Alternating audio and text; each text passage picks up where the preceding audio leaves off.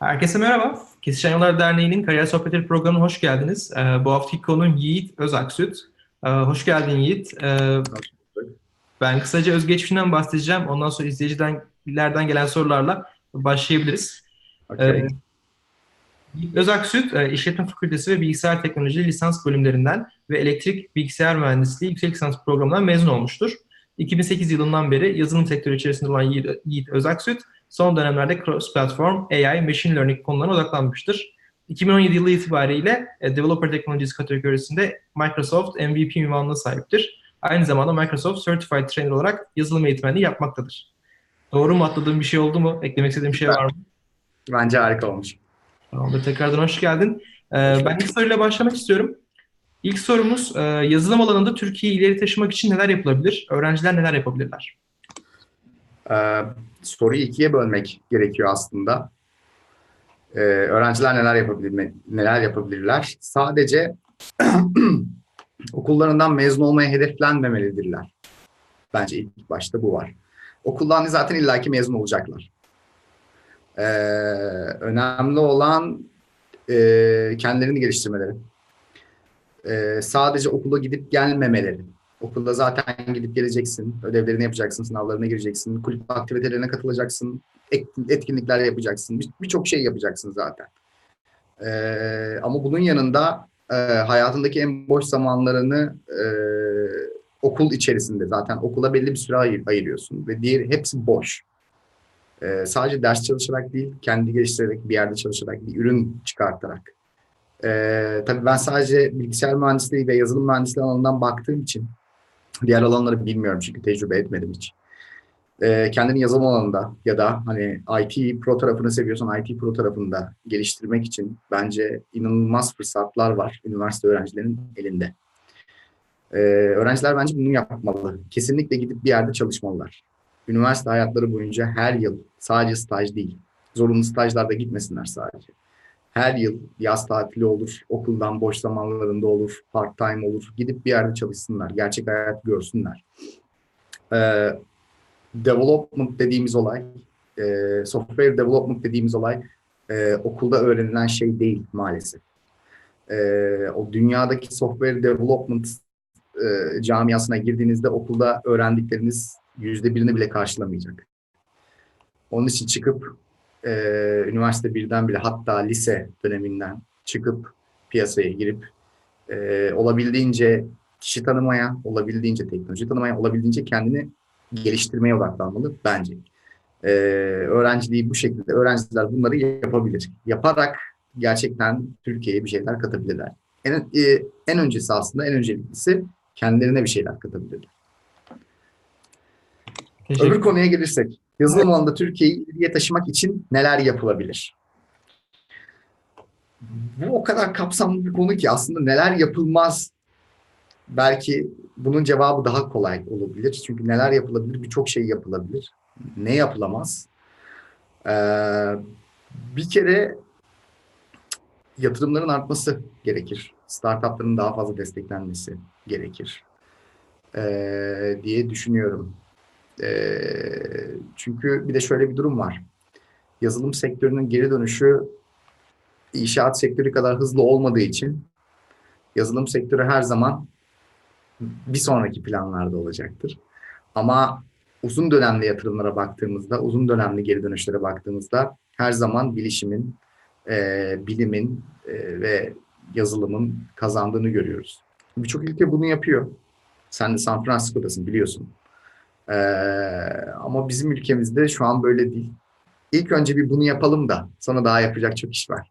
Önce bir yatırım yapalım. Önce bir e, öğrencilerimizi lise seviyesinden, ortaokul seviyesinden hatta ilkokul seviyesinden yetiştirmeye başlayalım. Kim, yani birçok okul yapmaya başladı da bunlar özel okullar.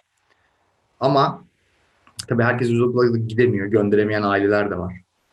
Ee, işte devletin de her okulda işte algoritma derslerine, yazılım derslerine, bir müzik dersi gibi, bir Türkçe dersi gibi önem vermesi çok değerli olacaktır. Çok güzel yatırımlar olacaktır bunlar. Yani sağlam tohumlar ekmek gerekir. Yani çünkü e, yazılım dediğimiz şey e, sadece üniversitede aldığınız 4 yıllık bir eğitimle çıkıp e, Elon Musk olamazsın. E, e, Elon Musk'ın tutup da geçmişini okuduğunuzda adam öyle hani T0 noktasında neler yaptığını görüyorsun, biliyorsun.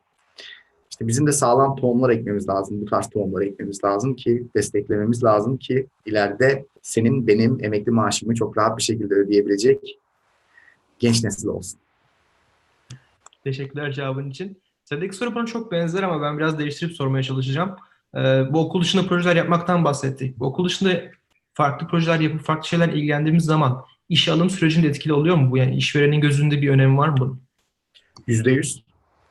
Ee, şöyle, mezun oldun, bir CV götürüyorsun. İşte insan kaynakları departmanıyla görüşüyorsun. Sonra e, hangi departmana başvurduysan onun departman yöneticisiyle görüşüyorsun. Ve bazı işte mülakatlara giriyorsun. Gerek işte İK mülakatları, gerek yazılı, sözlü, e, senin başvurduğun departmanın mülakatları olabiliyor. E, eğer şey yaptıysan, okul dönemi boyunca 5 tane, 6 tane proje yaptıysan, bunun üzerine e, başvurduğun firmanın kullandığı teknolojilerle ilgili bir şeyler yapıyorsan ek olarak, e, ne bileyim gidip bir GitHub account'un varsa, bu GitHub account'unda sürekli geliştirdiğin projeleri yayınlıyorsan, sürekli komünitelerin içindeysen kesinlikle bir adım değil on adım öndesin. Ee, biz de işe alımlarda buna çok dikkat ediyoruz. Biz yeni mezun al- alıyor muyuz? Evet alıyoruz. Fakat şu yeni mezunu almıyoruz. Bu çok acı bir gerçek ama gerçek. Bunu almıyoruz çünkü. Sadece üniversiteye gitmiş, stajlarını yazmış, stajda hiçbir şey yapmamış, hiçbir şey öğrenmemiş. Sadece o, o, o, üniversitede gittiği, üniversitede aldığı derslerle çıkıp işe girebileceğini sanmak gerçekten artık çok acemice bir durum. Yani e, üniversitenin önemi yok, üniversitenin adı yok. Yani üniversitenin adı benim için önemsiz. Üniversite okuyup okumaması da aslında çok önemli değil benim için. Benim için önemli olan yazılıma ne kadar aşık oldu, ne kadar sevdiği, ne kadar hevesle yaptı, ne kadar çözüm odaklı oldu ve ne kadar öğrenme isteği oldu benim için. Ve ek olarak da e, üniversite hayatı boyunca eğer okuduysa yaptığı projeler e, bizim için çok değerli. Hangi üniversiteyi okudun değil, ne kadar proje yaptığın önemli. Teşekkürler cevapların için. Ee, Twitter'da şey gördüm, Zamarin Türkiye diye bir hesap gördüm. Zamarin Evet. Türkiye nedir? Anlatmak ister misin biraz? Anlatayım. Ee, 2011 yılından beri Xamarin kullanıyorum. Xamarin nedir? Ee, C Sharp ile C Sharp ve Visual Studio ile cross platform e, mobil uygulama geliştirmene yarar. En temel tanımıyla. 2011 yılından beri geliştiriyorum. Ee, 2013-14 derken Xamarin ilerledi. 2016 1 Mart'ta Xamarin ne Microsoft satın aldı official olarak. Ben de 2016 1 Mart'ta Microsoft'ta etkinlik düzenliyordum. Ee, hem onun duyurusunu yaptık hem de e, işte community'nin kurulma etkinliği oldu. Aslında bizim community'nin kurulması e, Microsoft'un official olarak zamanını satın aldığı güne denk geldi. Hem biraz biz denk getirdik hem biraz şans oldu vesaire. E, community kurmamın amacıysa e, zamanını çok sevdim ben.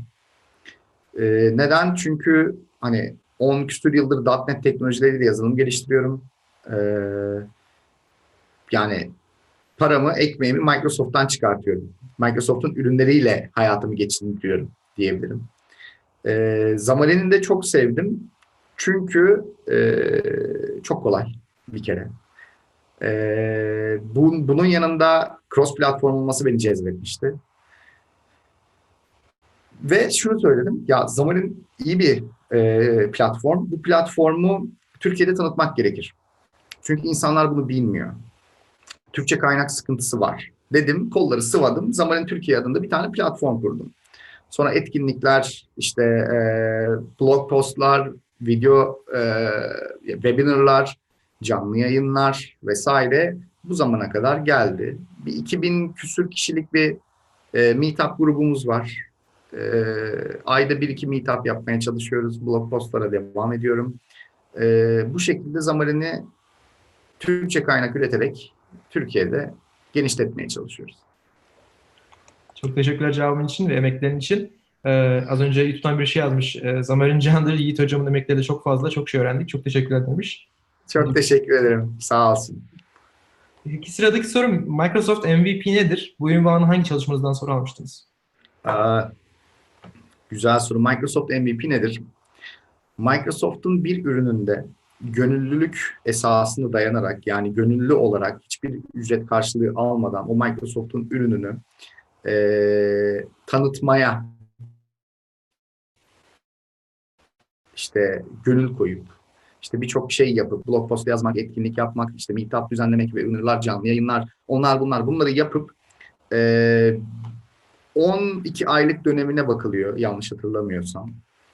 Ee, başladığın günden 12 aylık döneminde eğer Microsoft'un işte düzgün içerik yayınladıysan, düzgün etkinlik yaptıysan, işte ürünün düzgün bir şekilde ve o teknik e, tarafı da sağlayabiliyorsan e, Microsoft sana bunun için, bu yaptığın gönüllü davranışlar için sana teşekkür ediyor.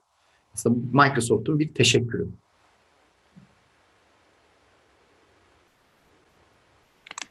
Peki sen hangi projende almıştın bu şeyi?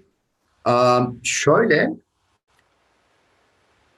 ben e, ilk ödülü ne zaman aldım? İlk ödülü 2017 Şubat'ta aldım. Şubat 1'de aldım ilk ödülümü.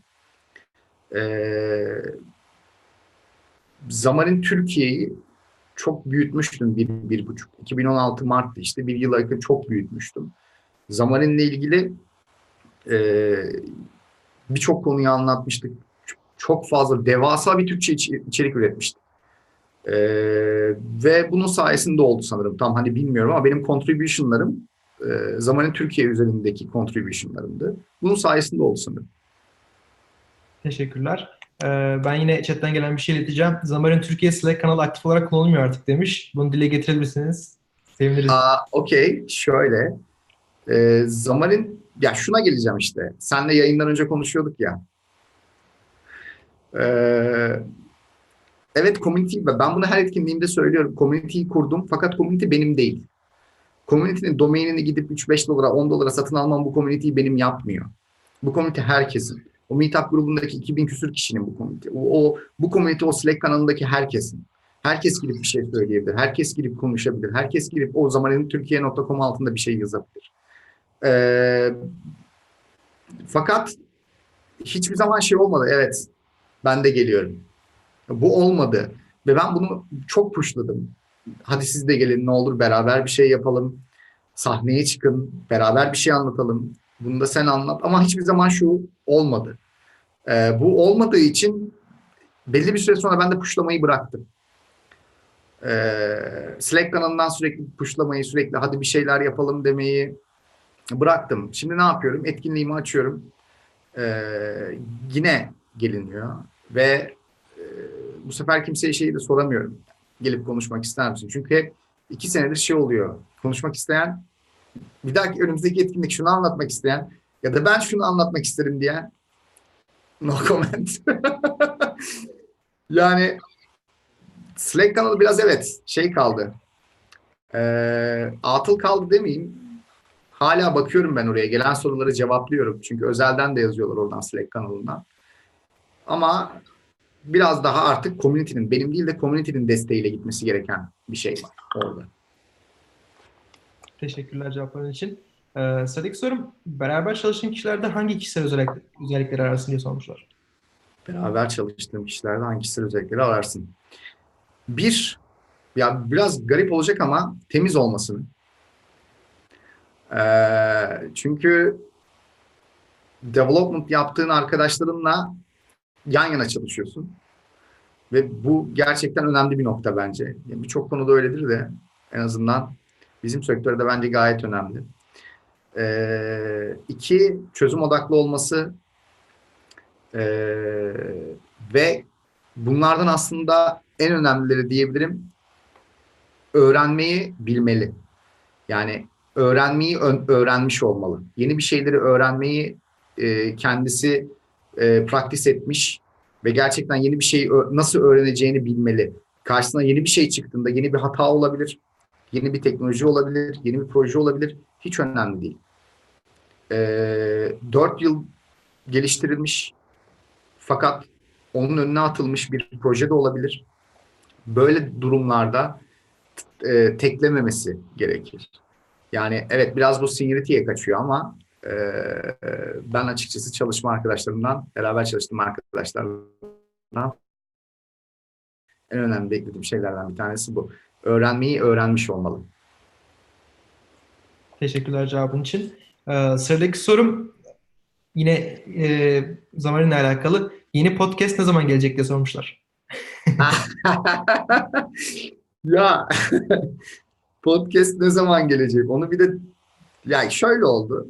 Tam doğrusunu söyleyeceğim. Ee, Daron'la post podcast çekecektik geçen. Ee, Daron podcast'i çektiğimiz cihazın pillerini unutmuş. Ee, bunun yüzünden yeni bölüm gecikti ama yeni bölüm e, haftaya değil, haftaya çekeceğiz yeni bölümü. Haftaya değil, büyük ihtimal ben tarih de vereyim. Şöyle. Um, büyük ihtimal 8-9 Ekim e, yeni podcast gelmiş olur. Teşekkürler tekrardan cevabın için. Ee, sıradaki soru MVP olmanın ne tür avantajları var diye sormuşlar. MVP olmanın ne tür avantajları var? Ee, bir kere MVP olduğun alanda o product grupla birebir ilişkide olabiliyorsun. Yani o kullandığın ürünü geliştiren yani yazan kişileri kişilerle birebir konuşabiliyorsun. Ürün hakkındaki sorularını sorabiliyorsun. Ürünün roadmap'ini öğrenebiliyorsun. Ee, işte bazı NDA durumları var. Onları söyleyemiyorum burada. Ee, ama sana çok katkısı oluyor. E, çünkü kullandığın ürünün her şeyini derinlemesine nüfuz edebiliyorsun yani o ürüne. Yani çünkü direkt ürünü X bir modülünü yazanla Skype'da görüşebiliyor.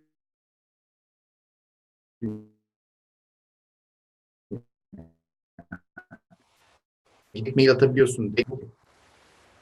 Bir bağlantı Yani en büyük avantajı gitti geldi ama e, sanırım şu an güzel. En son nerede kaldın? E, yani sesin geldi ama çok böyle bozulmuş şekilde geldi. İstersen tekrarlayayım. Son kısmını tekrarlarsan yeter olur bence. Ben başını duyabildim. Okey. En büyük avantajı şu işte. E, ürünü geliştiren, kullandığın ürünü geliştiren e, tüm product grupla birebir her şeyi sorabiliyorsun. Her şeyin cevabını alabiliyorsun. Birçok şeyi yapabiliyorsun yani. En büyük avantajları, en büyük avantajı bu diyebilirim MVP olmak. Product Group. Teşekkürler cevabın için. Yine MVP ile alakalı bir soru. Türkiye'de MVP olmayı nasıl değerlendiriyorsun? MVP sayısı gitgide düşüyor mu? MVP sayısının gitgide düşmesi iyi.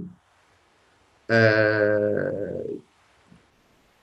şöyle aslında çoğalmasını isterim ama bu çoğalmanın kaliteyi düşürerek çoğalmasını istemem. Ee, çoğalacaksa da güzel, kaliteli bir MVP komitesi olmasını dilerim. Yani temennim bu yönde. Teşekkürler tekrardan cevabın için. Ee, sıradaki zaman Türkiye, Türkiye'yi diğer ülkelere kıyasla hangi noktada görüyorsun? Ee, 100 ülke varsa zamanı kullanan ki yoktur. Hadi 10 diyelim. 10 ülke varsa zamanı kullanan Türkiye bunun 10. sırasındadır. Ee, maalesef çok gayret et, gösteriyorum iki küsür senedir. 2016'dan Mart'ında kurdum zaman Türkiye. Ondan önce de çok bir şey yapıyordum ama e, e, zaten Microsoft satın almasaydı hayır. Microsoft satın alıp hem açık kaynak kod yapıp hem ücretsiz yapması zamanın aslında bu popülariteye getiren şey. Ee, ama Türkiye'de hala e, developerlardan pek şey gelmiyor, rağbet gelmiyor. Aslında bunun bazı sebepleri var. Çok fazla şirket geçti bu arada. Yani ben son, şöyle düşünecek olursak son iki buçuk, üç yıldır ben sadece paramı Zamarin'den kazanıyorum. Sadece Zamarin'le product geliştirerek yapıyorum. Sadece Zamarin'de proje geliştirerek yapıyorum. İşte e, Microsoft teknolojilerinden paramı kazanıyorum demiştim. İşte .NET Core, Xamarin yazıyoruz vesaire. Yani yukarıda bir şeyler de yapacaksak Azure tarafına taşıyoruz. Oluyor, bitiyor. Fakat develop, Türkiye'deki developerlarda şu var. Ben şunu tecrübe ettim. Fanboyluk var. Ee, şimdi fanboyluğu biraz açacak olursak. Şimdi iOS developerlar biraz kızacak ama. Ee, ee, bir iOS developer'a başka bir şey sevdiremiyorsun, tattıramıyorsun ona. Çok zor. Bu, bunun kırılması çok zor. Kırdığımız noktalar oluyor mu? Evet oluyor. Se- seminerlerde işte e, networking'de vesaire konuşmada, muhabbette ya da bir workshop'ta bunu kırabiliyor musun biraz? Evet kırabiliyorsun. Ama hiçbir developer tabii hak veriyorum. e, kendi safe arayasından çıkmak istemiyor. Çünkü hani güçlü olduğu her horoz kendi çöplüğünde öter misali. Bu çıkmıyor. Aslında Xamarin e, en azından şunu hak ediyor bence. bile. Gidip gerçekten bir proje geliştirmeyeceksen bile. Gir bak. E, sadece gir, Hello World yaz ve F5'e bas. Bunu yap. Bence bunu en azından developerların buna şans vermesini e,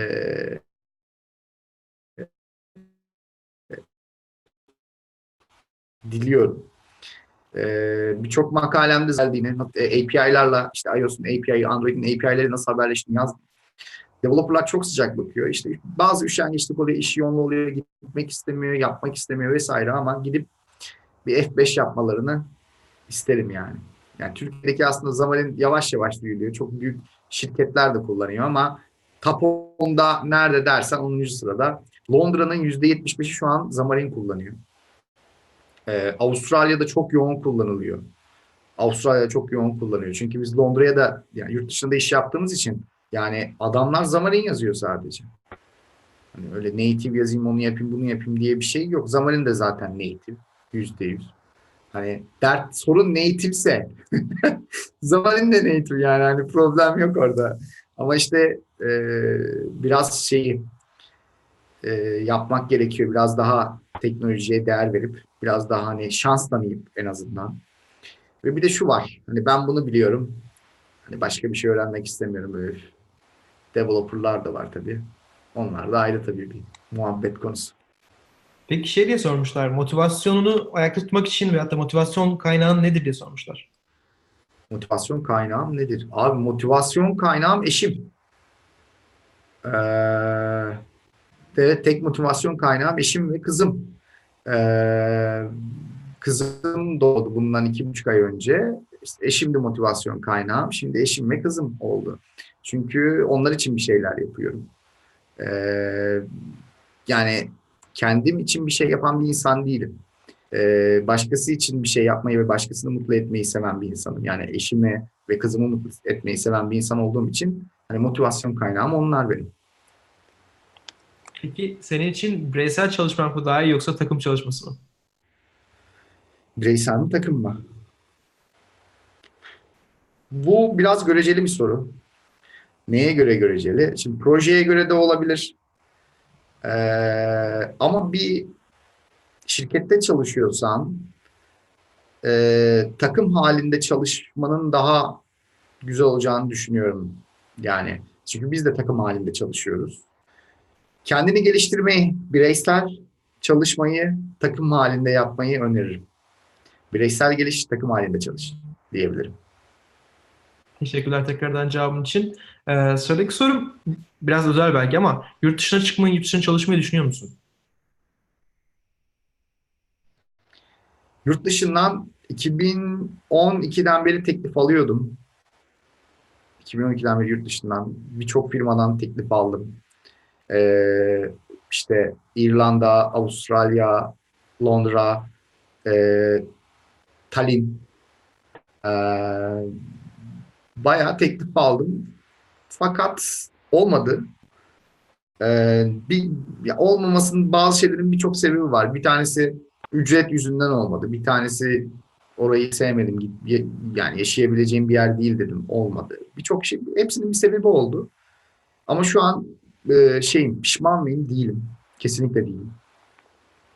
E, bulunduğum yerde, çalıştığım yerde şu anki durumumdan memnun muyum? Çok memnunum. Ha şu var, gitseydim bundan daha iyi olabilir miydi? Tabii ki olabilirdi. Gitmeden bilemem. Ama gitmediğim için pişman mıyım? Şu anki durumumla hayır pişman değilim. Ha, gitmeyi düşünüyor muyum?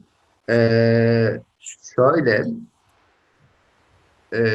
bu bizim zaten şirket planlarımızda da var. Yurt dışına açılmak, bir şeyler yapmak. Ürünlerimizi zaten yurt dışında pazarlıyoruz. O problem değil. Önemli olan yurt dışında da bir yerinin olması. Ee, planlarda var. Bakalım kısmet diyelim. Peki, teşekkürler cevabın için. Ee, peki şu an yeni bir lise mezunu, üniversite tercih yapacak kişi için e, yazılım mühendisliğini tercih etmesini tavsiye eder misin? İleride iş olanakları nasıl olacak? Ya da Türkiye'deki yazılım iş olanakları şu an nasıl? Okey. Buna şöyle kendimden örnek vererek gideyim. Ee, ben üniversiteye çok geç başlayan biriyim. Ben alaylı başladım mesleğime. Ben ilk üniversiteme 24 yaşında başladım. Ee, ve hani işte şu an 31 yaşındayım. Ee, 7 senede falan iki üniversite, bir tane yüksek lisans bitirebildim. Önemli olan üniversite değil, üniversiteye takılmamak. Önemli olan ne yapacağını seçmek. Ben mesleğimi üniversitede seçmedim. Ben önce mesleğimi seçtim, sonra üniversiteyi. Ee, bence insanların bunu değerlendirmesi önemli. Çünkü e, normalde insanlar en geç 20 yaş 20 yaşında üniversiteye gidiyorlar değil mi? Hani 18 17 lisede mezun oluyor. Hani maksimum hani takılsa 2 sene 3 sene takılsa e, 20'de şey oluyor. Üniversiteye gidiyor. E, fakat şunu önereceğim işte 20'de üniversiteye gidip kafanda aklında hiçbir şey yokken 4 seneni orada harcayıp 24 yaşında mezun olup ne yapacağını bilmemek yerine ben böyle başka bir tercih yaptım. 24 yaşına kadar mesleğime hakim olup 24 yaşında ben şu üniversiteye gitmek istiyorum, şu bölümü okuyacağım dediğimde gidip onu kazanıp e, öyle mezun olmak bence çok daha değerli. En azından bana göre. Bu tabii benim görüşüm. E, ek olarak şu var. E, bilmedikleri bir bölüme gitmesinler. E, sonucun neye doğuracağı belli olmaz. E, yazılım mühendisliğini önerir miyim? Öneririm tabii. E, ama şu var, üniversite değil hoca seçsinler. Üniversite önemli değil, tekrar vurguluyorum. Önemli olan eğitim alacağın insan. Eğitimi kimden alacaksın, nasıl alacaksın, ne yapacaksın? Önemli. Ben 24 yaşında ilk üniversitemi yazarken e, hoca seçtim. Üniversite değil. E, nitekim üniversitede tabii iyiydi ama hani hoca seçtim özellikle.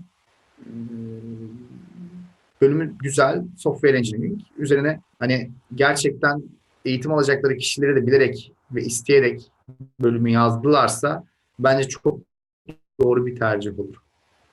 Yani önemli olan o bölümü istemek. Ben yazılım yapmak istiyorum. Çünkü şöyle bir durum var. Ee, ilk patronumla, ilk patronlarımdan biriyle konuşmuştum. Tam hatırlamıyorum ama. Ee, patronuma, patronum bana şey sormuş. Neden yazılım yapıyorsun? Hani başka bir şey yapar mıydın? Gibisinden bir soru sormuştu. Ben de şöyle cevap vermiştim. Yani önemli olan benim burada yazılım yaptığım değil. Ben burada yazılım yapmasam da yazılım yapacağım. Yani yazılım benim için bir iş olmaktan çok öte bir şey. Ee, senin ben işe şöyle gidiyordum. Ee, hobi olarak yaptığım bir şeyi evde otursam da hiç para kazanmasam da yapacağım şeyi zaten yapacağım ben bunu.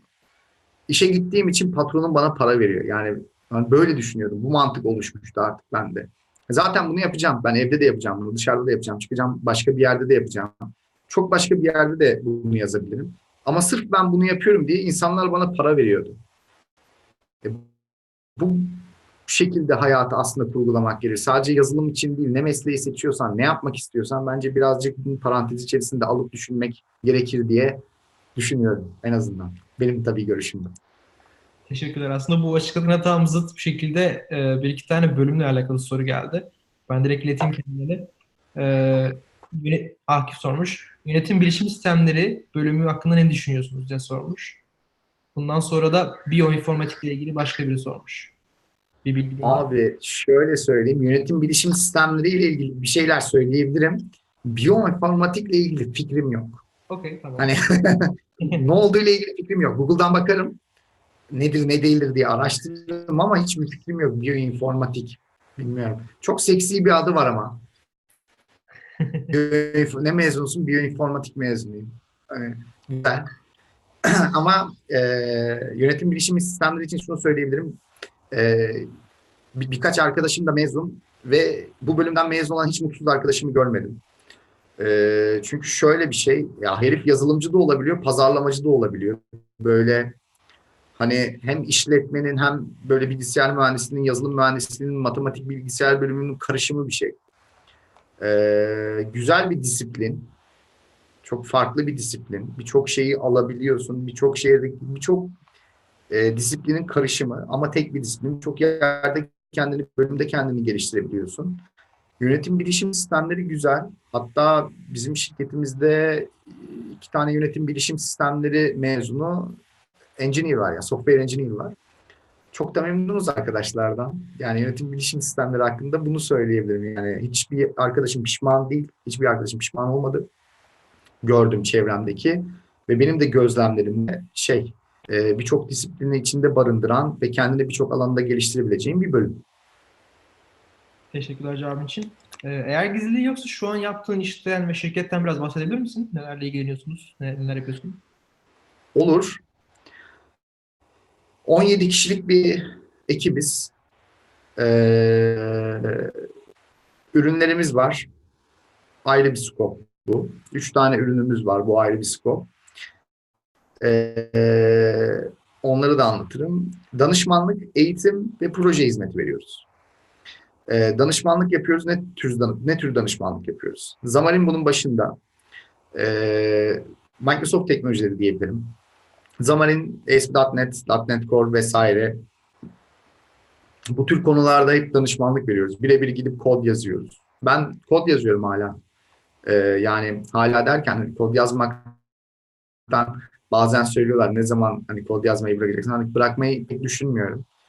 Ee, çünkü kod yazmayı bıraktığım zaman büyük ihtimal mesleği bıraktığım zaman olmuştur benim. Hani ya kod yazmayı bıraktıysam mesleği komple bırakmışımdır. Hani emekli olmuşumdur.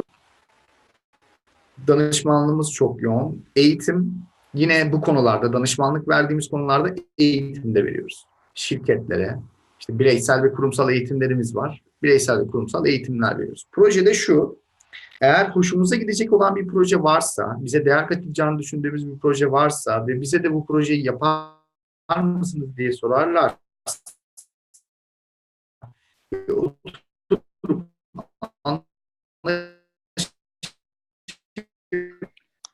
Yine bir gitti sanırım ses ama. Şu an duyabiliyor musun beni? Projeyi de yapıyoruz.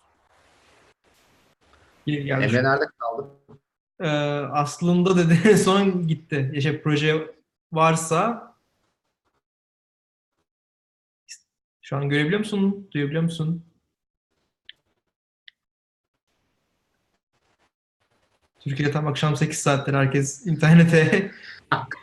Devam edeyim mi? Gelin mi? Geliyor. Aynen ya. Geliyor mu sesim? Ee, ses geliyor. İstersen bir kamerayı tekrar aç kapat. Ee, düzeleceğini düşünüyorum. Orada Um, stop video kısmından sanırım kapanıyor. evet. Nasıl? Şu an ben görebiliyorum, duyabiliyorum. Süper. Tamam, devam. Tamam. Ha. En son projede kalmıştık. Projede şunu yapıyoruz. Sırf alıp yapmak için proje almıyoruz. Şey katacağını düşünüyorsak ve bunda karar kıldıysak o projeyi alıyoruz. Yoksa o projeyi almıyoruz. Pek tercihimiz değil. Önemli olan eee, alıyoruz. Eee, ürünümüz var. Üç tane ürünümüz var.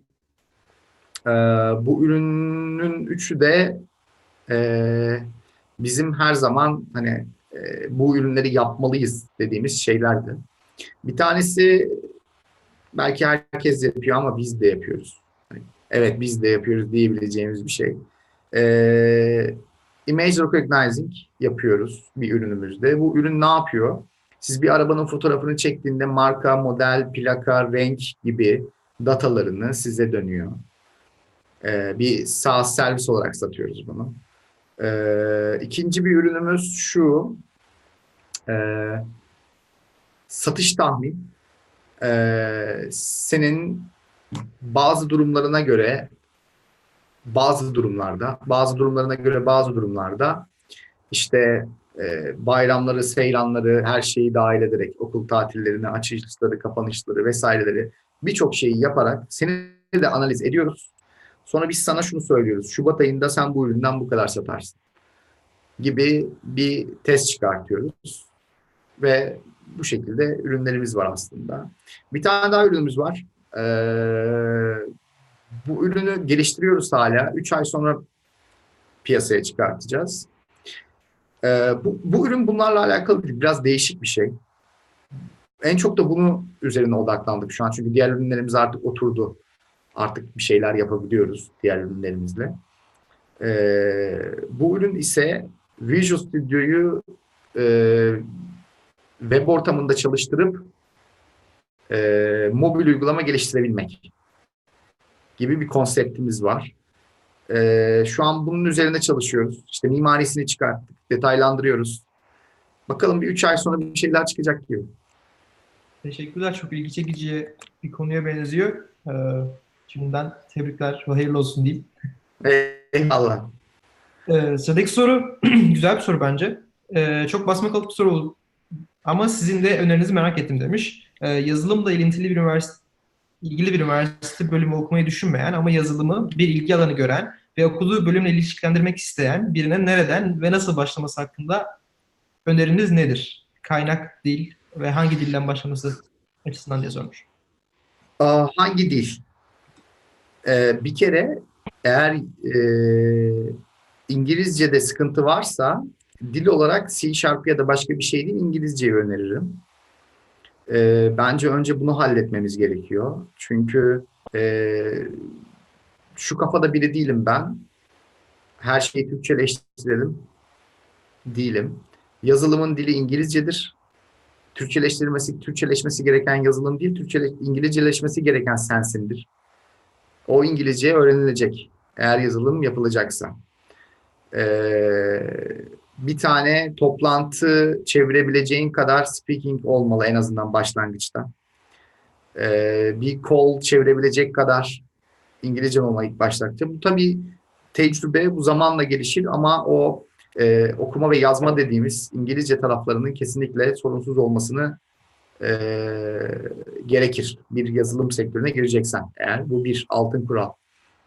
İki, yazılımla alakalı bir bölüm okuyup okumaman hiç problem değil. Konuşmamızın başında da söylemiştim. Hatta üniversite okuyup okumaman problem.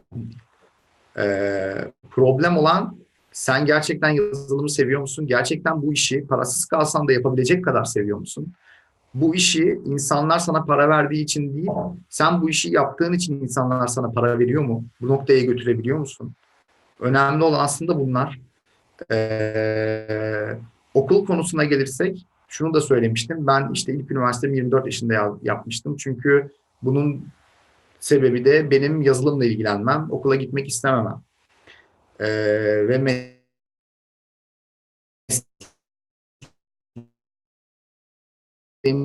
zaten seçmiştim. Ee, böyle bir durumda da tüm bunlara evet diyorsan ikinci bir şey yapabilirsin. Üniversiteyi yazabilirsin.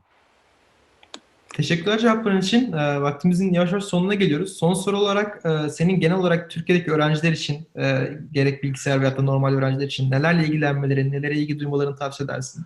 Nelere de vakitleri harcamalılar? Abi bir kere teknolojiden korkmasınlar. Hangi mesleği yapıyorsan yap. Veteriner bile olsan ne bileyim hani su ürünleri olur, veteriner olur, ne bileyim çok başka dallar olur. Önemli olan teknolojiden korkmamak. Artık yani teknoloji çağındayız demek artık şey o eskidi. Yani bu bunu telaffuz ettiğinde eskimiş bir şey telaffuz etmiş oluyorsun. Her şey teknolojinin içinde. Artık teknolojiyle her şeyi bütünleştirmek zorundayız. Hangi mesleği yapıyorsan, neyi yapıyorsan, neye kendini adamışsan hiç önemli değil. Herkes e, yazılımcı olacak diye bir şey yok. Herkes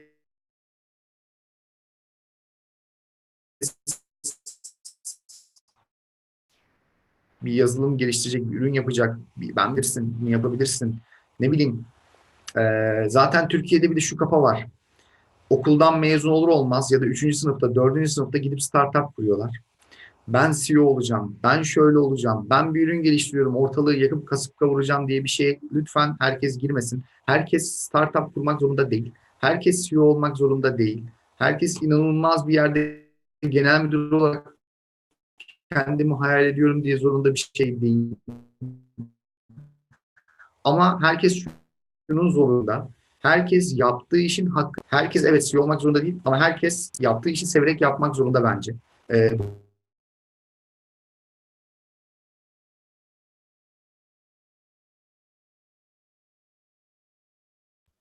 Yine takıldı ama sanırım sadece benden değil. Ben o sırada isterseniz e, önümüzdeki hafta haftaya değil aslında bu pazarki yayından bahsedeyim. E, Yiğit gelene kadar. E, konuğumuz Esra Erdem e, ve yapay zeka olacak. Yine biraz ilgili. E, Esra Erdem Sabancı Üniversitesi'nde bilgisayar bilimleri ve mühendislik alanında doçent olarak görev yapmakta. E, dok- doktora derecesini Texas Üniversitesi bilgisayar bilimlerinden almış. Ondan sonra Toronto Üniversitesi, Viyana Üniversitesi'nde doktora sonrası araştırmacı olarak çalışmıştır. E, yapay zeka alanında çalışıyor şu an. E, matematiksel temellerde bilgi gösterme ve otomatik akıl yürütme alanında bilgisayar robotik ve işlem, işlemsel biyoloji uygulamaları alanında e, çalışmaları var. E, izlemek isterseniz e, Facebook sayfamızdan kesişenyollar.com veyahut da .org pardon Facebook sayfamızdan ve YouTube sayfamızı takip ederek haberdar olabilirsiniz. E, bu pazar günü yine aynı saatte Türkiye saatiyle akşam 8'de e, Esra Erdem yapay zeka e, izleyebilirsiniz. Yiğit komple gitti sanırım. Nasıl yapalım onu?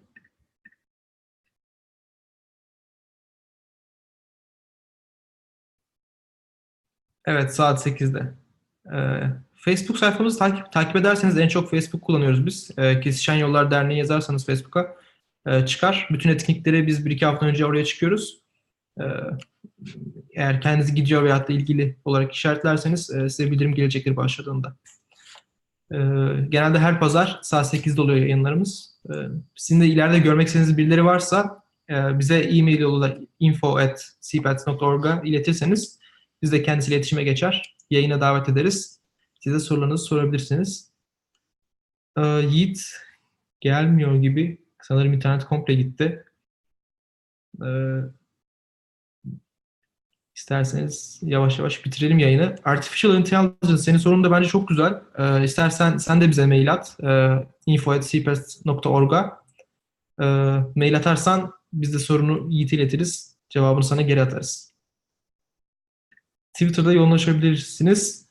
Şöyle, e, bizim dergi herkes gönüllü olarak çalışıyor. E, herkes öğrenci. E, üniversitede, şeyde, lisede. Hatta yani sadece 3-4 kişi iş hayatında çalışan kişiler. E, herkes her konuda ilgilenemiyor. Eğer destek olmak istersen sen de des- derneğe katılmak için de mail atabilirsin. E, adını okuyamıyorum. www.db NHHDD. e, sosyal medyayla ilgilenebilirsin. Yani ilgi duyuyorsan. Çok seviniriz, memnun oluruz.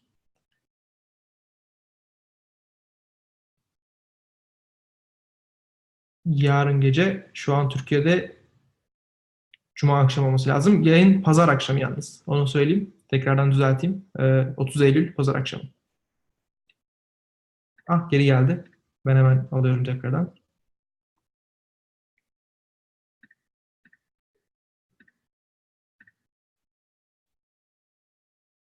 Hoş bir geldin. şey oldu. Geldi. Ee, bilmiyorum gittin komple. Geri geldin. İstersen tekrardan topla. Sonra yeni kapatalım. Aa, Okey okey. Şu an görüyorum ben.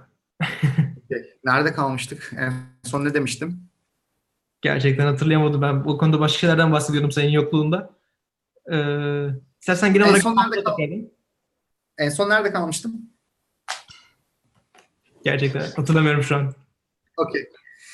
Ee, son soruydu sanırım. Son soru da neydi? Yani son, son soru soruya geliyorum. gençliği için tavsiyelerin. Soru oydu. Ama sorunun cevabının neresine kaldığını hatırlamıyorum. Okey. Ya genel olarak şunu söyleyelim o zaman. Ee, şu şekilde noktalandırayım demiştim. Niye mi gitti acaba? son noktalandırmıştım. Kayda alınıyor mu Emre yayının? Evet evet, şey YouTube'da canlı şu an zaten kayıtlı kalacak. Aa okey. Kayıttan izlerim, şey yaparım. Yani ne- hangi mesleği yapıyorlarsa yapsınlar. Teknoloji katmaya çalışsınlar. Sevdikleri işi yapsınlar. Ee, genel olarak söyleyeceklerim, verdiğim mesaj bu. Tamamdır. Çok teşekkürler. Ee, umarım benim için çok keyifli, bilgilendirici oldu. Senin için de öyle geçmiştir diye düşünüyorum. Ee, bir Çok soru var. keyifli oldu. Çok teşekkür ederim. Sağ olun.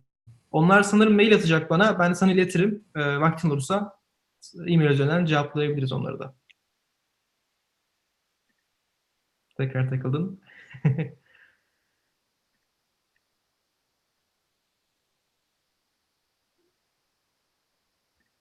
O zaman görüşmek üzere arkadaşlar. Güzel mesajlar, mesajlarınız için çok teşekkür ederiz. Tamam süper olur. Geri geldin. Gidip geliyor sürekli. Ee, olun. Çok teşekkür ediyorum mesajlarınız için. Çok sağ olun.